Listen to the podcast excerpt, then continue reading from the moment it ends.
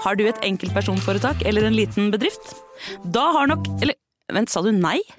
Du vet at fiken også gjør det enkelt å starte din egen bedrift? Fiken superenkelt regnskap. Ja, og hjelp til å starte egen bedrift, da. Nyt sommerferien på Prime. I'm here to show you a wonderful place. Had a rough week. Opplev spennende turer. Så kan dette bli veldig farlig. Finn sommerkjærligheten. You're like a Coachella. Hi. Hi. Se på Fallout, Furia eller The Idea of You. Og gjør deg klar for en sommer full av eventyr. Bare på Prime. Krever abonnement på Prime Video. Velkommen til Kjemperådet!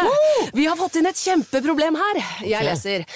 Jeg er på ferie med familien. Det er gøy, bortsett fra at jeg har gips på begge beina. Kan ikke bade eller dra noe sted. Jeg føler meg veldig begrenset. Hilsen begrenset far. Begrenset far trenger ubegrensethet. Yes. Ja, Kanskje ubegrenset data fra 399 med familierabatt hos Telenor? Ja, det løser jo alt! Bortsett fra det med badingen, da. Se nye mobilabonnement på telenor.no. Yes!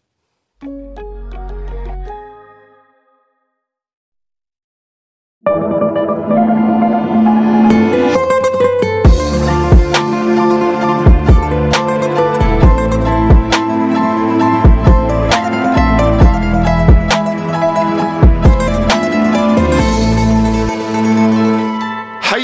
velkommen til en eh, ny episode av Gangsterboden. Mitt navn er denne uken også Jim Fosheim. Og etter hvert som vanlig så er mitt navn eh, Morten Galaasen. Hei, Morten.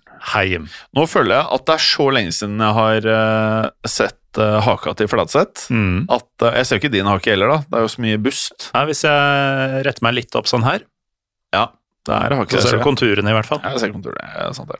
Eh, dagens episode er på mange måter ganske annerledes enn eh, mye annet vi har gjort i Gangsterpodden. Ja, vi eh, lager jo vanligvis både én og to historiepodder sammen, Yes. hvor da ting har skjedd for lenge, lenge siden. Yes. Når jeg har vært med i Gangsterpodden, så har det jo ofte vært sånn noen sitter inne for ting vi snakker om som skjedde i fortida, men nå er det rett og slett en nyhetssak omtrent Ja, som vi skal ta for oss. ja. Eh, og grunnen til at vi da valgte å Vi har jo pratet om han Nå er det jo i tittelen på episoden. Matteo Messina Denaro. Er det, Det navnet kjenner jo folk igjen Ja. fra ikke så lenge til, eh, siden.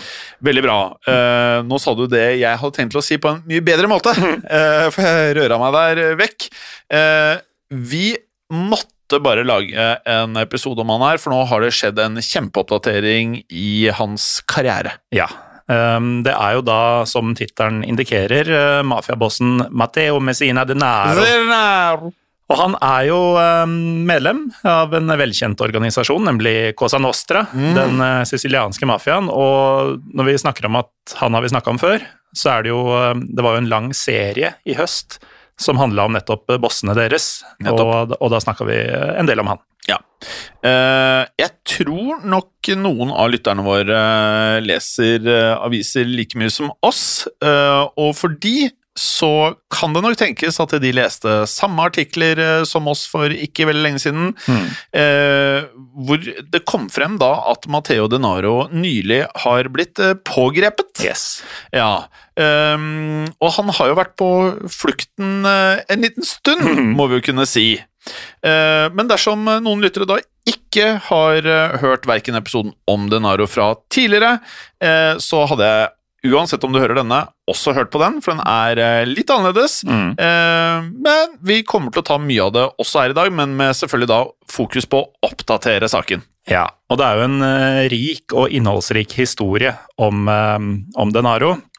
Før han ble arrestert, så levde nemlig Denaro hele 30 år Ja, det er så lenge det. på rømmen. Livet ditt. Ja, og helt sikkert mange av lytterne som har Altså, de har blitt født og blitt voksne Ja. og nesten gamle i løpet av den tida Denaro har vært på rømmen. Eh, Så det er jo litt av et kunststykke, dette her. For eh, takket være denne mafiakarrieren eh, sin, så var Denaro å finne på topp ti-lista over ikke Italias, men verdens mest ettersøkte forbrytere. Ja, det er en stor bragd. Ja. Altså Der har du internasjonale terrorister, du har Gåstein-diktatorer som har blitt tatt av dage også, for så vidt. Mm. det er mye, mye mørkt. Det er godt gjort å komme seg på den lista, og det er eh, ekstra godt gjort å være på den lista så lenge og klare å holde seg unna lovens lange arm. Da. Ja. Det er sånn, selv om man prøver, så er det ikke sikkert du kommer deg dit. Nei, ganske usikkert. Eh, ja.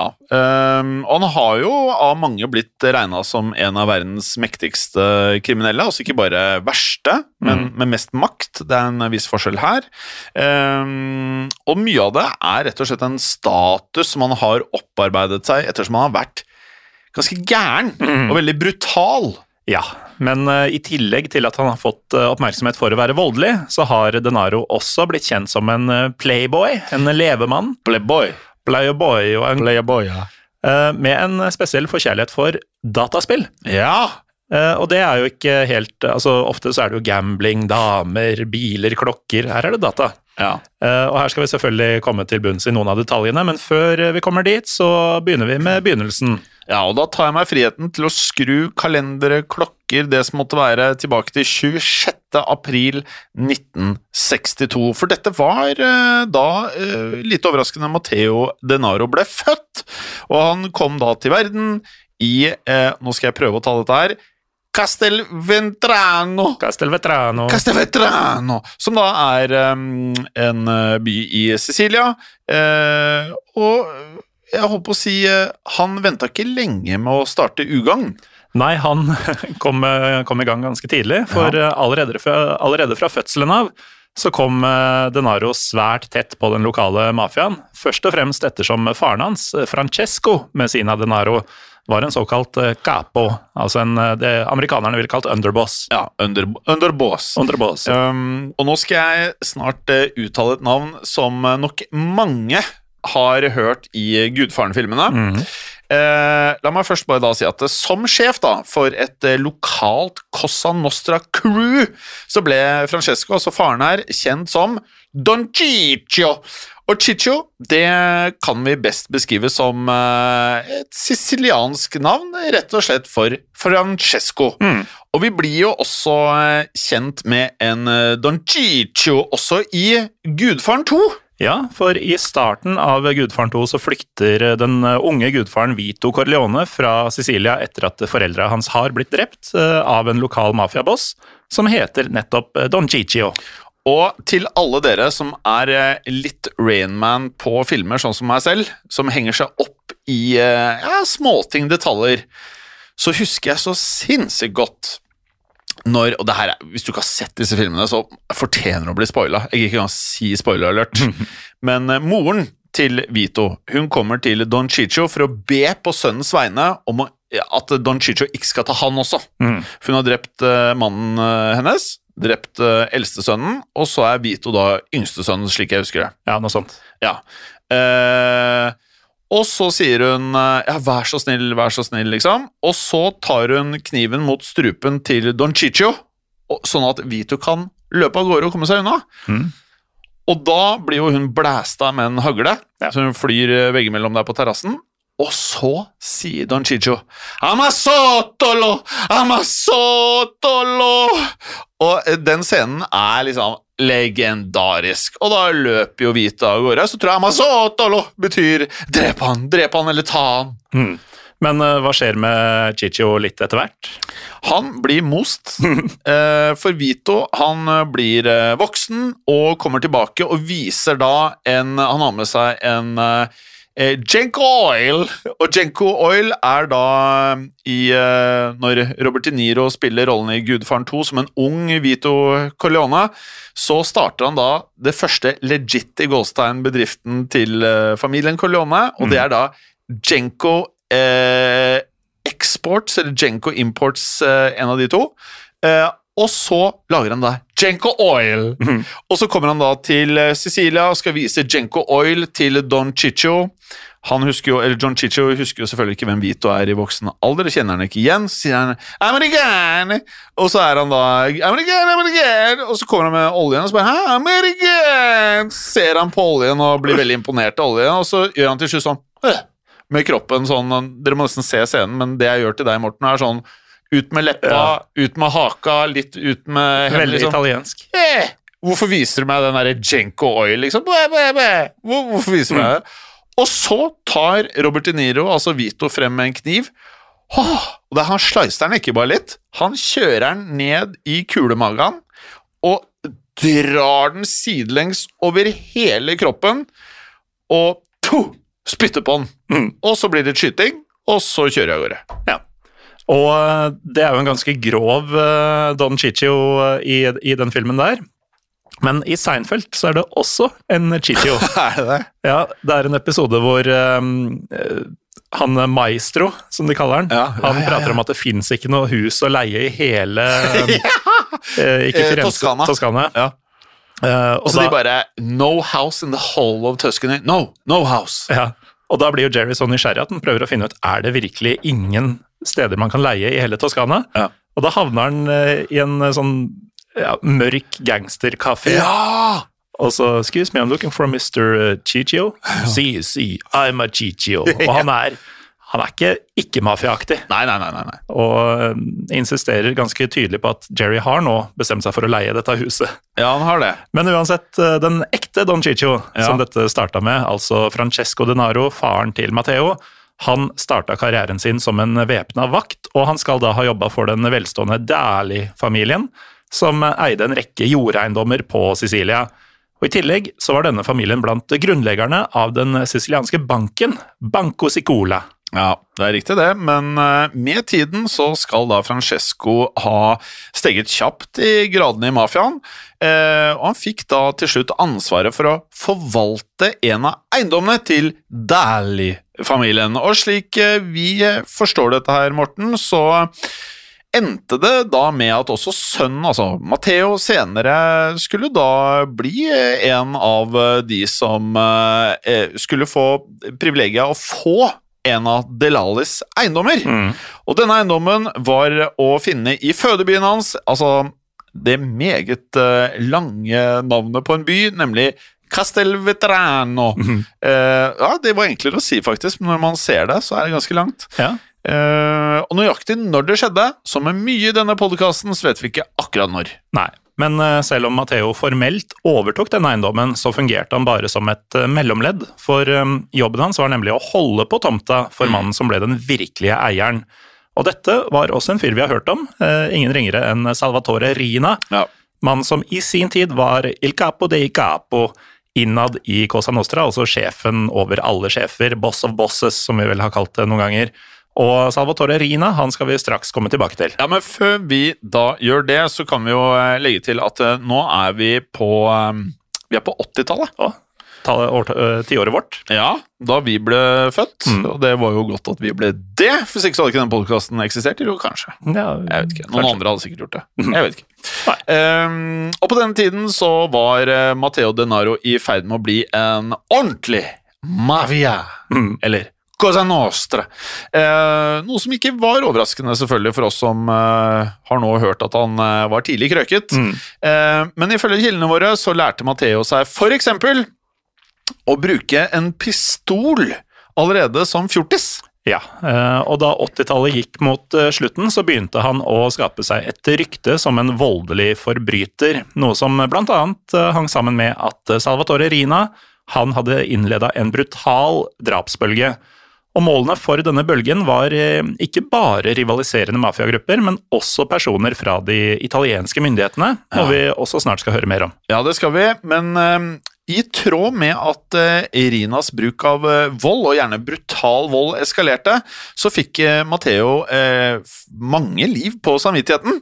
Eh, og i 1989 så skal han ha blitt anklaget for å ha drept en eh, siciliansk hotelleier ved navn Nicola Gonzales, eller Conchales. Gonzales. Eh, ja, og det som da utløste dette drapet, var angivelig at Gonzales da høylytt hadde klaget over eh, mye av den lokale mafiaen eh, drev med. Ja, og denne klaginga klarte jo da Gonzales å gjøre foran en av de hotellansatte, som eh, uheldigvis da var elskerinna til Matteo Denaro. Og, og da gikk det jo ikke lang tid før eh, Gonzales eh, ble tatt av dage, eh, uten at vi vet hvordan eh, nøyaktig han ble drept.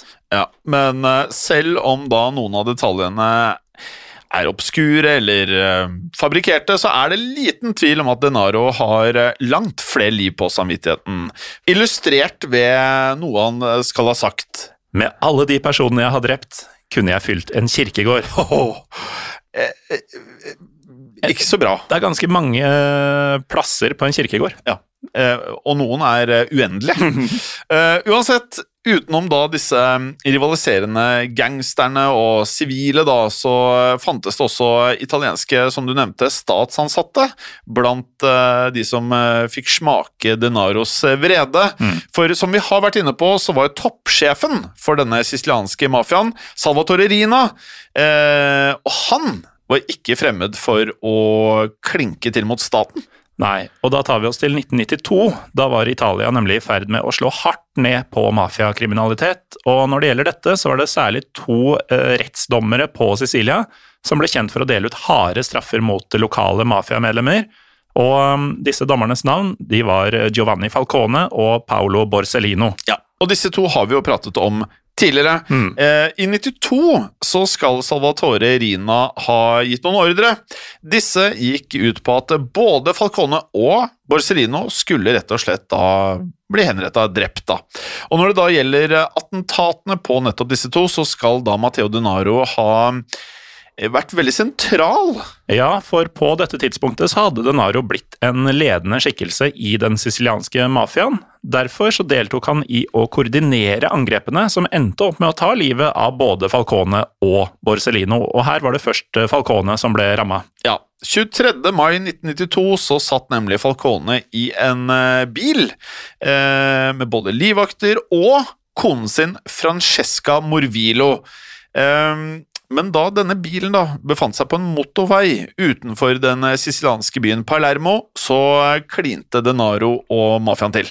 Og man skulle jo tro at um, i den grad du er safe for et attentatforsøk, så er det i bilen med familien på Ja. motorveien. Man tenker det. Mm. Selv om uh, dette er jo en av de tingene som selveste Al Pacino, ikke gudfaren, men i Scarface nekter å gjøre. Han nekter da å sprenge denne bilen med han fyren de skal drepe, som da uh, er i bilen med familien. Ja, Men uh, Denaro og hans folk, de nekta ikke. Nei, for det var slik at det var en bombe under motorveien.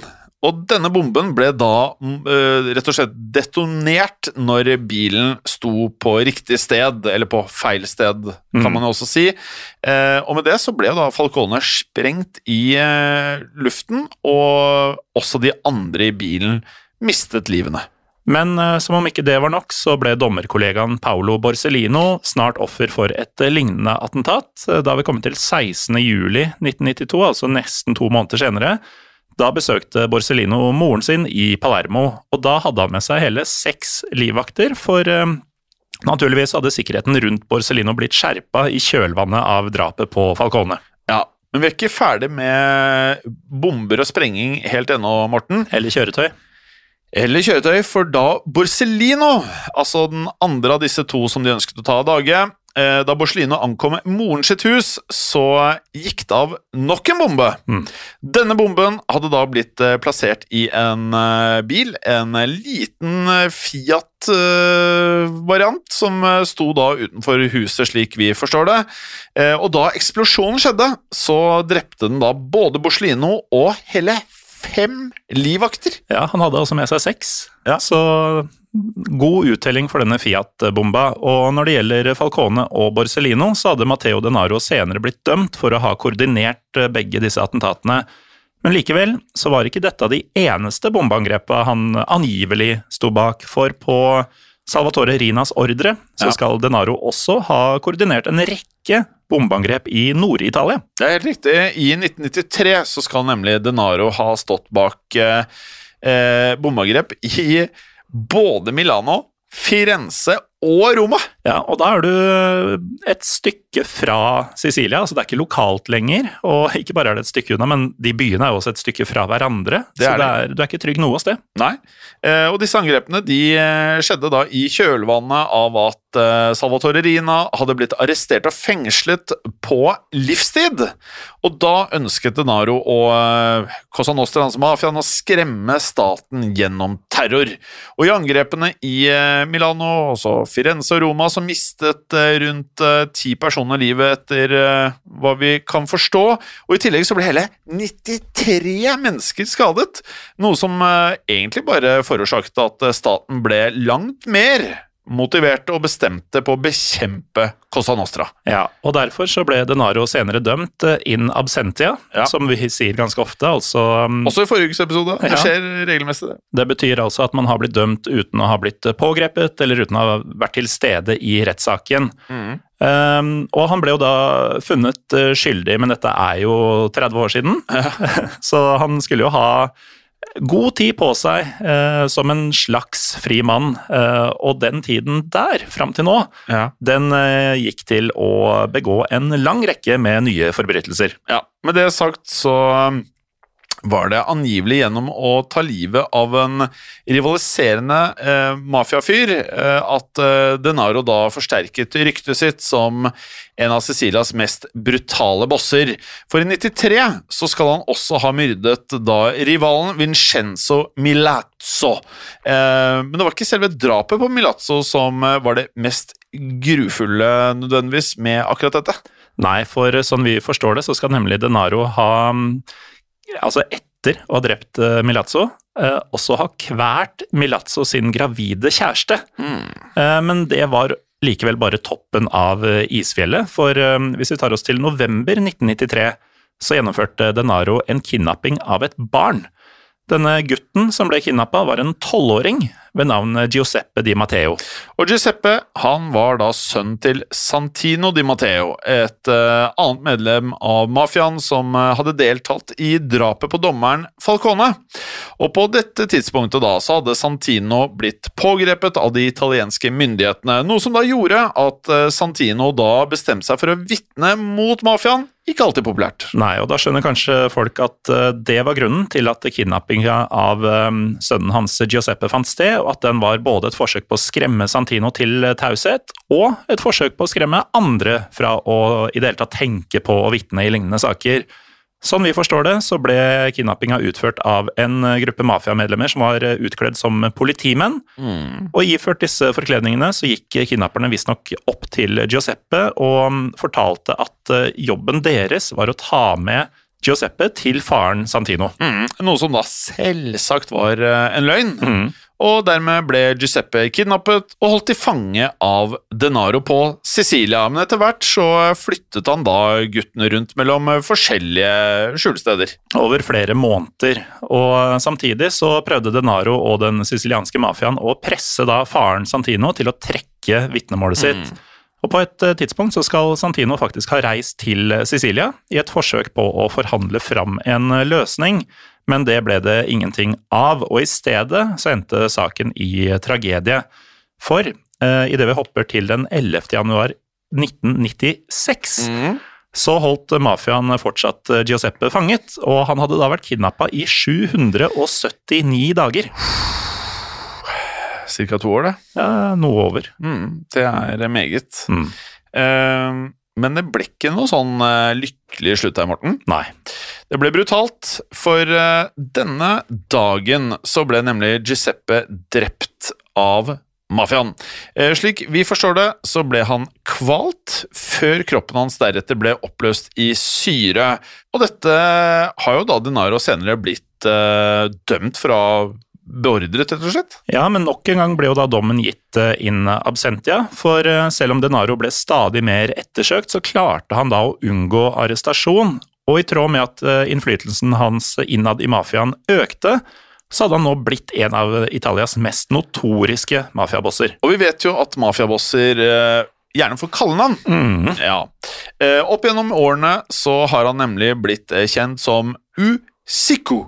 Vet du hva det betyr? Nei. Den tynne. Å ja. Det, mm, det er ikke typisk mafiaboss å være Nei, tynn. De pleier å være det motsatte. Ja.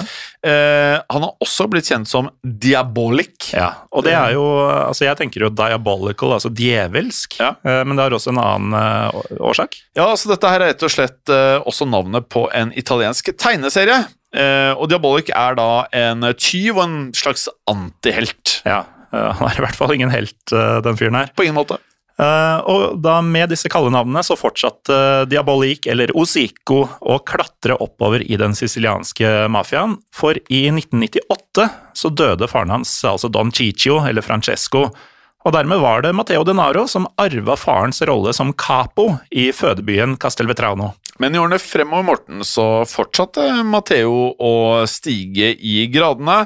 I 01 så døde også en av mafiabossene, som da hadde ledet Cosa Nostra i eh, nærheten av byen Trapani. Og denne bossen, det var da Vincenzo Virga. Og Virga Eh, når han døde, da, så var det Matteo Denaro som da skulle få lov til å overta rollen som capo i hele Trapani. Ja, og dermed var Denaro blitt capo både i Castelvetrano og i Trapani, og det gjorde han til en av de mektigste mennene i hele Cosa Nostra.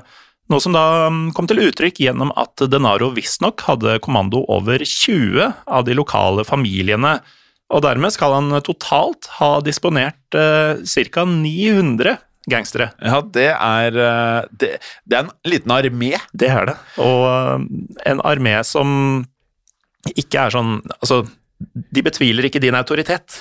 Neppe. For med unntak da av mafiafamiliene som fantes i Palermo, så utgjorde nå Denaro sin gjeng, eller 20 familier, den mektigste fraksjonen innad i Cosa Nostra. Og da sier det seg kanskje selv at vår mann han tjente også meget med penger. Nøyaktig hvordan han gjorde alt dette, skal vi komme til bunns i etter en aldri så liten pause.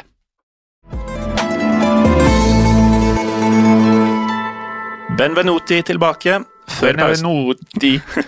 Før pausen så nevnte vi at uh, Matteo Messina Denaro han ja. tjente gryn og grunker. Og um, her tjente han da pengene sine på veldig klassisk mafiavis. Mm. Han skal nemlig ha fått store inntekter gjennom å tvinge bedrifter til å betale han beskyttelsespenger. Kanskje mest klassisk av alle måtene å tjene penger på ah, i mafiaen, eller? Det er ABC-en. Mm. I tillegg så hadde han da på litt sånn sopranoaktig måte klart å få en fot innafor byggebransjen. Og gjennom dette så sørga da gangsteren hans for å underslå betydelige summer. Dette er jo helt bread and butter, høres ut som. da. Ja, det er jo det. Ja.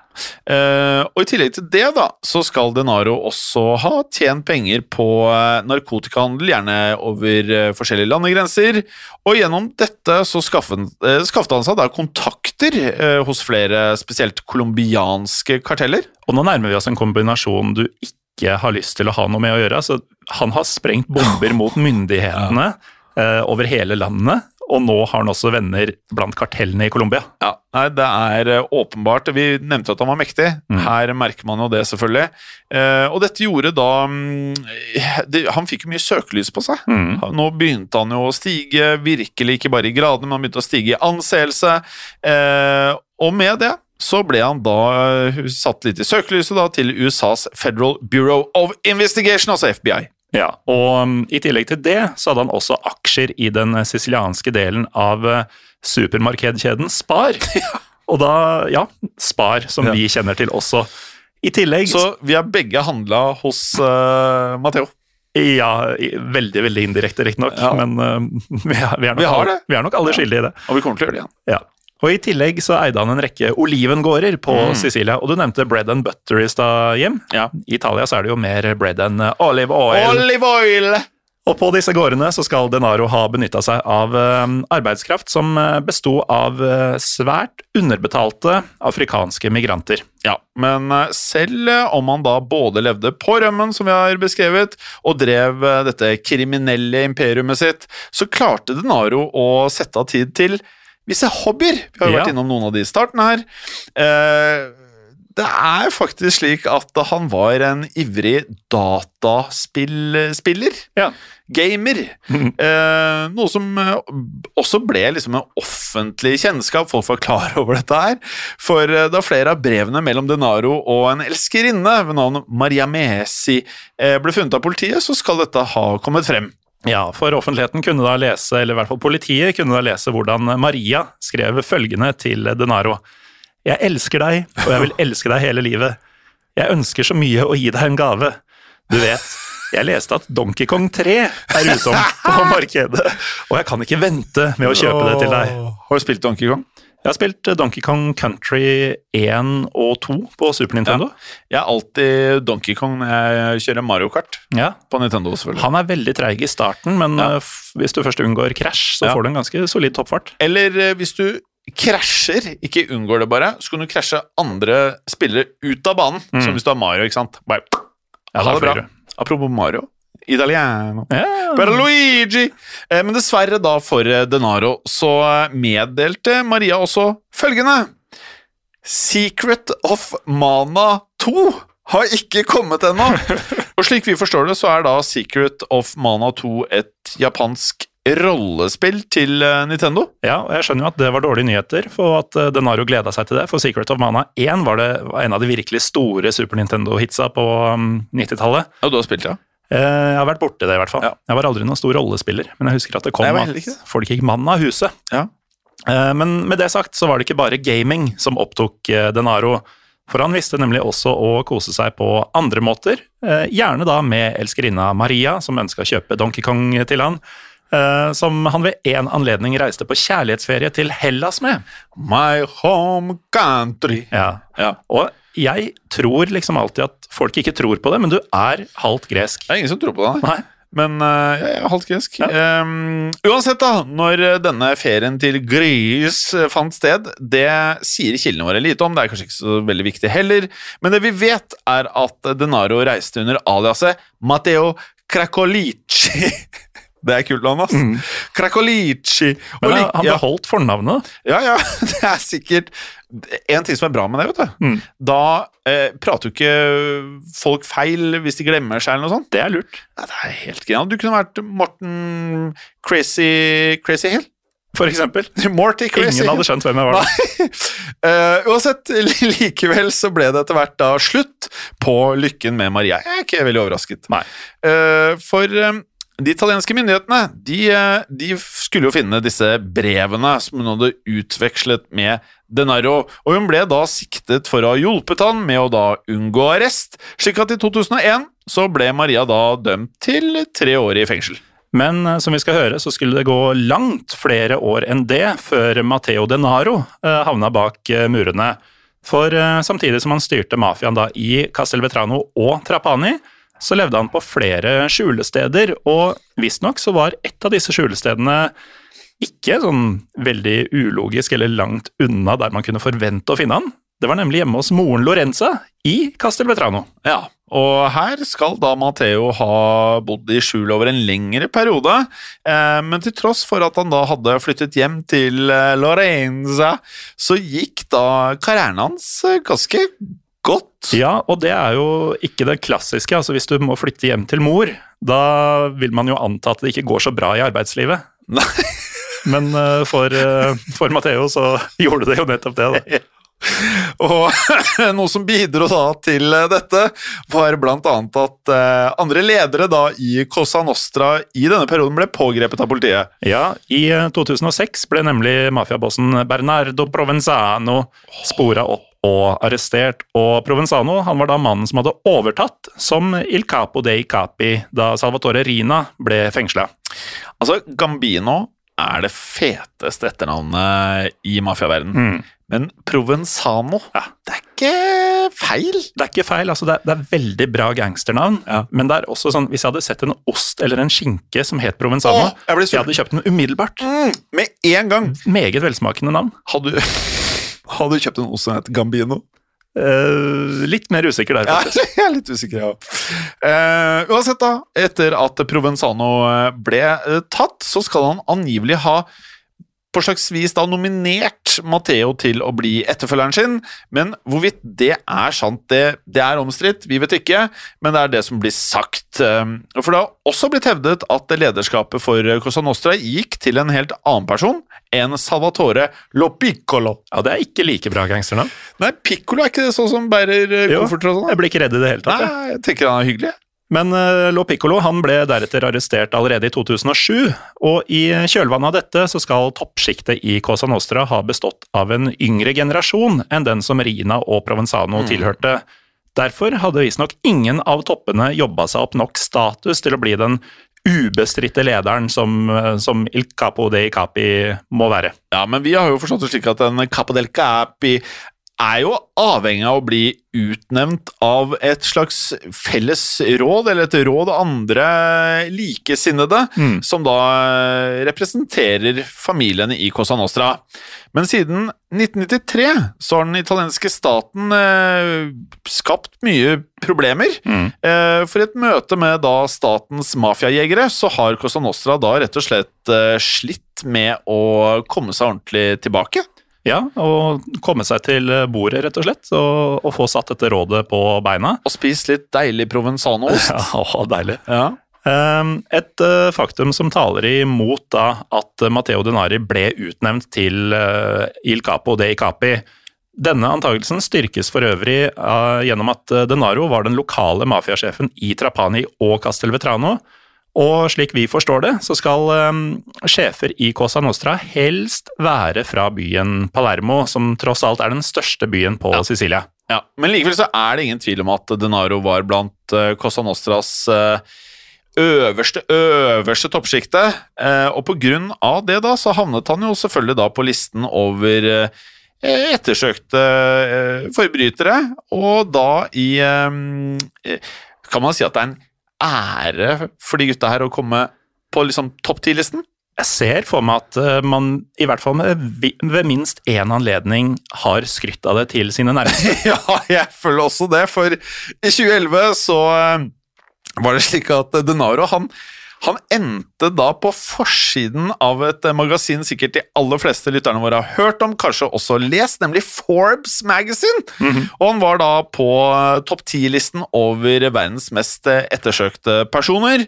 Eh, og da var Denaro på denne topp 10-listen å finne på drrrn, sjuendeplass. Det er eh, respektabelt. Du kan komme høyere opp. Men du kunne også vært lavere. Ja, du kunne vært lavere.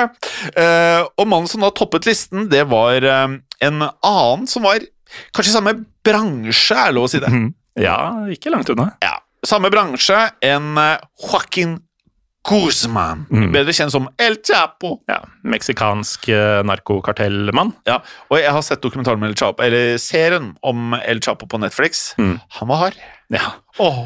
Ja, uh, Guzman, eller El Chapo, han uh, ble jo da pågrepet i 2016 og sitter i dag i et eh, amerikansk fengsel. Så dermed så klarte jo Matteo Denaro, nummer sju på lista, å holde seg på rømmen lenger enn førsteplassen El Chapo. Ja, for vi nevnte jo at det er jo, det er jo først nå han blir tatt. Ja, eh, veldig, veldig aktuell sak, Ja. dette her. Det er det For- mest aktuelle vi har noen gang gjort, Det er det. på mange måter. Mm. For det å pågripe Denaro, det var jo åpenbart ingen enkel oppgave. Han holdt seg på rømmen i eh, 30 år. Men eh, etter at han ble ettersøkt for disse bombeangrepene i 1993, så forsvant han jo fullstendig. Mm. Delvis fordi eh, FBI og andre ikke sjekka huset til mora hans. Det er ikke det amatørmessig. jeg tenker jo det. Det er politiets bread and butter. Du stikker jo dit først. Du gjør jo det. Og Ja. du stikker kanskje regelmessig innom for å Ja. shake litt i uh... Ja, ja, Pressa litt opp mot uh, mm. Korja. Men altså, før, uh, før Denaro ble pågrepet, så hadde han faktisk ikke blitt sett offentlig siden nettopp 1993. Hmm. Likevel så hadde han jo da, som vi nevnte, styrt eh, mafiaen i Castelvetrano og Trabana. Og dette gjorde han da gjennom såkalte Pizzini-systemet. Mm. Et system der beskjeder blir delt ut på små lapper. Det høres ikke ut som en effektiv måte å drive et sånn internasjonalt imperium på. Jeg tenker Post-It. Eh, og disse Pizzini-lappene da skal eh, Denaro ha signert med et pseudonym, nemlig Alezio. Og i tråd med at han fortsatte å gi ordre fra skjulesteder, så begynte ryktene å gå. Og med årene så kom det f.eks. rapporter om at han skjulte seg, eh, ikke hos mora si, men i land som Brasil, Spania, eh, Storbritannia og Østerrike. Og i tillegg så gikk det rykter om at Diabolic Diabolik han hadde tatt plastisk kirurgi, sånn at han ikke skulle bli kjent igjen. Det er rutinert. Eh, likevel så var sannheten noe enklere, for Denaro hadde nemlig holdt seg på Sicilia, han. Altså, Folk tenker at han kan være hvor som helst i hele verden. Og ikke bare er han i det landet som han har blitt dømt i, han er på en øy, ganske sånn avgrensa lite område, og han er i en liten landsby på den øya. Ja, ja. Og han satt rett og slett sin lit til at eh, lokalbefolkningen var eh, redde og respekterte mafiaen, slik at ingen ville tørre å angi han, noe som selvfølgelig fungerte ganske lenge. Og ifølge den britiske nyhetskanalen, altså BBC, så følte han seg eh, trygg, og det skjønner vi jo, så trygg at han flere ganger rett og slett bare ruslet åpenlyst gjennom gatene i annet Palermo. Ja, og samtidig så opprettholdt han en eh, livsstil med extravaganza. Flash, champagne Ja, for eh, ikke bare hadde han fått et rykte som playboy, som vi nevnte tidligere. Han har også blitt kjent for å være glad i dyre Rolex-klokker. Oh, a little bit of Raleigh. Little bit of Ray-Ban solbriller. Oh, I can have that in my life. Selvfølgelig skreddersydde dresser. Altså det, det er så mafia, det. Og svindyre biler. I can like it. Eh, og dette her eh, var jo ting han hadde tilgang på, selvfølgelig, gjennom diverse forretningsmenn, Pizzini-lappene sine, og politikere som han hadde tette bånd til. Og når det gjelder dette, da, så kan vi f.eks. trekke frem den tidligere nevnte Dali-familien, eh, som i sin tid delte ut eiendommer, som vi husker da, både til Denaro og Salvatore Rina. Ja, familien Dali hadde nemlig flere ting på gang enn bare eiendom.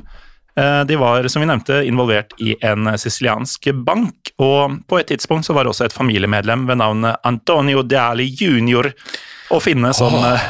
senator for partiet som rett og slett heter Forza Italia, altså Heia Italia. Det var jo da partiet til den daværende italienske statsministeren Silvio Berlusconi. Ja, På starten av 2000-tallet så fikk eh, Antonio Dali jr. også en eh, sekretærstilling i det italienske innenriksdepartementet. Og dette var da etaten som hadde ansvaret for å bekjempe nettopp mafiaen. Oi. Uh, og det er jo helt vilt. Noe som kanskje da gjør utnevnelsen da av Antonio jr. relativt tvilsom. Ja, ettersom da familien hans tidligere hadde hatt bånd til Cosa Nostra. Men eh, hvorvidt Denaro nå fikk hjelp av familien Dali, det kan vi faktisk bare spekulere i. Det eneste vi med sikkerhet kan si, er at Denaro fortsatte å leve i skjul mens myndighetene jakta på han. Men eh, med tida så skulle jo dette bli stadig vanskeligere. Ja, for i tiåret mellom 2010 og 2020 så slo den italienske staten, altså myndighetene, til mot flere av Denaros business partners, blant annet den eh, sicilianske forretningsmannen da, Rosario Casio, skrives C-A-S-C-I-O, nesten klokken. Um, og Casio han eh, var en mann som var helt sentral i å hvitvaske penger på vegne av Denaro. I tillegg så ble da 700 millioner euro konfiskert fra supermarkedkongen Giuseppe Grignoli. Og denne summen det er jo omkring 7 milliarder kroner. Og det ble også da antatt at pengene kunne knyttes til eh, mafiaen. Ja, og dette er jo mye penger, men vi kan jo krone det. Beslaglegge 700 millioner euro. Mm. Det er helt vilt. Vi kan jo krone det med en sum tilsvarende to milliarder kroner, som ble konfiskert fra en siciliansk eh, byggefirmaeier ved navn Francesco Pecora. Og her var også antagelsen da at pengene kunne knyttes til Denaro og familien. Ja, nettopp eh, slike politiaksjoner var jo det som gjorde da at nettet omsider begynte å snøre seg eh, sammen for eh, Denaro. For eh, ved å da ramme businessen hans, så ønsket jo da myndighetene å rett og slett legge press på han. Ja, og tanken bak strategien eh, oppsummerte den sicilianske statsadvokaten Francesco Messineo som eh, følgende. Rosigelaco di nuata! Ja, eh, å tørke ut vannet som Denaro svømmer i. Ja, og likevel var det fortsatt eh, vanskelig å fange Denaro. For eh, siden 1993 så fantes det eksempel ingen bilder av han, altså ingen fotografier. Og siden 93 hadde det heller ikke blitt funnet noen opptak av stemmen hans. Altså, I og med at vi har presisert at mye av dette er jo helt nylig, i denne perioden så har jo da ting som Facebook, Snapchat, alt mulig sånt dukka opp. ikke sant? Alle har kamera på telefonen sin. Likevel ikke ett lydopptak, ikke ett bilde. Liker det, jeg respekterer det. Ekstremt godt gjort. Men i, i 2021 så offentliggjorde den italienske nyhetskanalen TG2, eh, TG2, TG2 et videoklipp som angivelig var av Denaro. Og det klippet det var fra 2009. Og det hadde blitt tatt av et eh, sikkerhetskamera som filma en passerende bil som Denaro visstnok satt i baksetet på. Og stedet bilen kjørte gjennom, det var en siciliansk dal eh, kalt eh, Valle del Belice. Oh, og likevel var det ikke på bygda at eh, vår mann skulle bli tatt, for da han omsider ble pågrepet, så skjedde arrestasjonen i stedet midt i Palermo, en by som i dag har omkring 600 000 innbyggere. Ja, og Når det gjelder bakgrunnen for arrestasjonen, så har ikke all informasjonen blitt eh, offentliggjort, men eh, det vi kan fortelle er at Denaro ble pågrepet etter at politiet gjennomførte hemmelig avlytting av Denaros nærmeste krets. Noe som ledet etterforskerne til en medisinsk klinikk midt i Palermo. For etter hva vi kan forstå, så har da Denaro flere ganger vært nødt til å oppsøke behandling for eh, kreft, eh, noe han skal ha gjort eh, nettopp ved denne klinikken. Ja, men da Denaro dro innom klinikken den 16. januar 2023, altså et par uker siden når man hører dette, så venta det italienske politiet på han, og her skal så mye som 100 italienske politibetjenter ha deltatt i aksjonen. Altså, vi spiller inn episoden ti dager etter dette her. Mm. Altså, det er 26. januar når vi spiller inn. Det er det. Sånn uavhengig av når du hører den, da. Mm. Eh, likevel så skal det ha gått relativt rolig for seg, slik vi forstår det. Jeg tenker jo at når du møter 100 politimenn eh, når du er til kreftbehandling, Ja. da er det ikke mye fight i det. Ikke mye for gjort. Eh, slik at da Denaro ankom klinikken, så gikk han eh, rett i resepsjonen, selvfølgelig, og her sjekket han inn under det falske navnet Andrea Bonafede. Og etter å ha da gjennomført en runde med behandling, så forlot han klinikken igjen. Men da Denaro gikk ut, så fikk han øye på en gruppe politifolk som venta på han, og han begynte da å gå sakte mot eh, bilen sin. Ja, øh, men han nådde aldri frem til denne, for i det politibetjentene sperret veien for han, så spurte de om navnet hans var da Matteo Messina Denaro. Og svaret var Tosai kisono oyo, som betyr uh, 'dere vet hvem jeg er'. Det var veldig kult når du sa det. Jeg sa det nok ikke riktig. Ja, men Det var veldig kult. Uh, og Dermed så ble Denaro da pågrepet etter å ha vært på rømmen i alle disse 30 årene. Uh, noe som skal ha blitt møtt med en applaus fra de andre pasientene som befant seg ved klinikken. Ja, og um, dersom noen av lytterne er interessert i fotball, så kan jeg jo trekke fram en av de som var til stede. Det var nemlig den tidligere italienske landslagsspilleren Salvatore Schilacci, eller Toto som han ble kalt. Eh, Han ble jo da Italias toppskårer i eh, fotball-VM i 1990, som også gikk i Italia. Ja. Eh, Og som vi forstår det, så var nemlig da Schilacci, den gamle landslagshelten, også blant pasientene på klinikken den dagen som Diabolic Diabolik ble arrestert. Ja, Vi kan jo også nevne at Naros livsstil ikke hadde blitt mindre luksuriøs. For da han ble pågrepet, så hadde han på seg eh, klær, klokker og det ene og andre til en verdi av 400 000 kroner. Ja, og vi er ikke helt sikre på om det er klokka aleine eller klær og klokker og andre gjenstander Ja. som til sammen er det, men han var i hvert fall verdt en halv million kroner der han gikk. Det var peng. Det var peng. Men eh, med det sagt så kan vi jo da konstatere at eh, Matteo Messina Denaro, eh, mafiabossen som tilbrakte 30 år på rømmen, sannsynligvis da kommer til å sitte resten av livet i fengsel. For da han ble pågrepet i en alder av 60 år, så var han jo, som vi vet, allerede blitt funnet skyldig i en rekke drap, og mm, sånn vi forstår det, er det da snakk om 20 mord. Men man kan også velge å tro på Denaro selv, eh, og da er faktisk antallet langt høyere. Ja, og siden han har vært eh, landets mest ettersøkte mann i mange, mange år, så bør det ikke være overraskende at eh, pågripelsen av Denaro gjorde at eh, Italias eh, statsminister Giorgia Meloni uttalte seg om saken. Ja, for uh, her ble det sagt, eller Meloni uttalte følgende Dette er en stor seier for den italienske stat, som viser at vi aldri skal, skal overgi oss til mafiaen. Min varmeste takk, og på vegne av hele regjeringen, går den til politiet og til Palermos statsadvokat for pågripelsen av en av de største figurene i mafiaen. Punktum. Ja, og um, når vi sier at han antagelig sitter resten av livet i fengsel, så er det ikke noe antagelig. Han, han kommer ikke ut igjen. Ja, med mindre han bryter seg ut, da. Ja, blir sprengt ut. Du husker jo sønnen til El Chapo. Han ble jo eh, sluppet fordi eh, fengslene ble for redde for å holde ham. Ja. Så det er mye rart som skjer. Eh, Gallosen er en fantastisk episode. Mm. Føler meg nesten som journalist, men vi er jo ikke det. Nei, det er vi ikke. På, på, vi er ikke i nærheten Men av å være det. Men ja. Vi liker å tro at vi um, er forholdsvis pedagogiske, så vi har nå tatt en lang, komplisert historie, gjort Ja. den håndgripelig og forhåpentligvis oversiktlig, ja. med altså ti dager gammel informasjon. Ja. Helt greit utført stykke arbeid. Eh, vi har også en eh, låt til eh, gangsterarkivene våre som ligger på Spotify, som heter Gangsterpodden, det også. Ja, og denne gangen så er det ikke noe for eh, det klassiske dansegulvet, kanskje.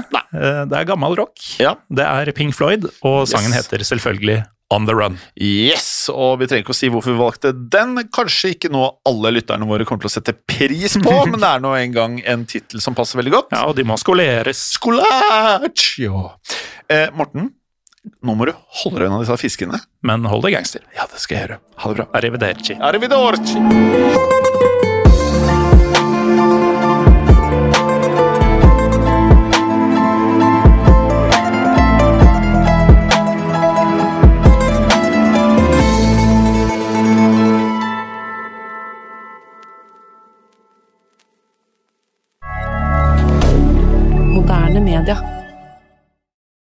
Si signore, Morten. Uh, ciao, Jim. Prego. Og ciao eller prego til alle våre kjære lyttere. Og i dag så har vi en stor eh, eh, til eh, Ja, dere alle sammen. Et tilbud som lytterne kanskje ikke kan si nei til. For vi har bestemt oss for å gi dere en liten smakebit på hva man får med abonnement i Untold. Eh, si, men hva er Untold, Morten? Uh, Untold er en eh, app der du kan høre en rekke podkaster. Mange titalls podkaster helt uten reklame. Ja, og ut eh, mai så kan alle lytterne våre da høre episoder som du vanligvis kun ville kunnet høre i Untold. Ja, for eh, som Untold-kunde så får du nemlig en ny reklamefri episode av Gangsterpodden hver eneste uke hele året. Ja, og i eh, Untold så får du også ukentlige episoder av Synderne, eh, som da er Synderne, og True Crime-podden, samt masse miniserier som du og jeg er med i, blant annet samlingen av Japan og også Ukrainas turbulente historie. Ja, og så får man jo også tilgang til Historiepodden, og der vil man kunne høre episoden om torgslaget i Kristiania i forbindelse med 17. mai, og den bør alle få med seg. Ja, og det tenker du er spesielt relevant, for vi er i mai måned, da, eller? Det er nettopp det, vet du. Si. Og er det sånn at du som nå hører på, sitter igjen og tenker at du ønsker å høre en ny episode av Gangsterpodden hver eneste uke? Da er jo dette her veldig enkelt, for da er Untold løsningen for deg. Nettopp, så da går du inn på AppStore eller Google Playstore og laster ned Untold, eller du bruker nettleseren og går til untold.app for å starte ditt abonnement i dag. Si. Og da kan du da få 30 dager helt gratis hvis du ikke har gjort dette tidligere også, og det er jo en eh, overraskelse du ikke kan si nei til. Ja, det er en grunn til å ikke sove med fiskene. Ja, det er det, men også holde det gangster. Ha det bra!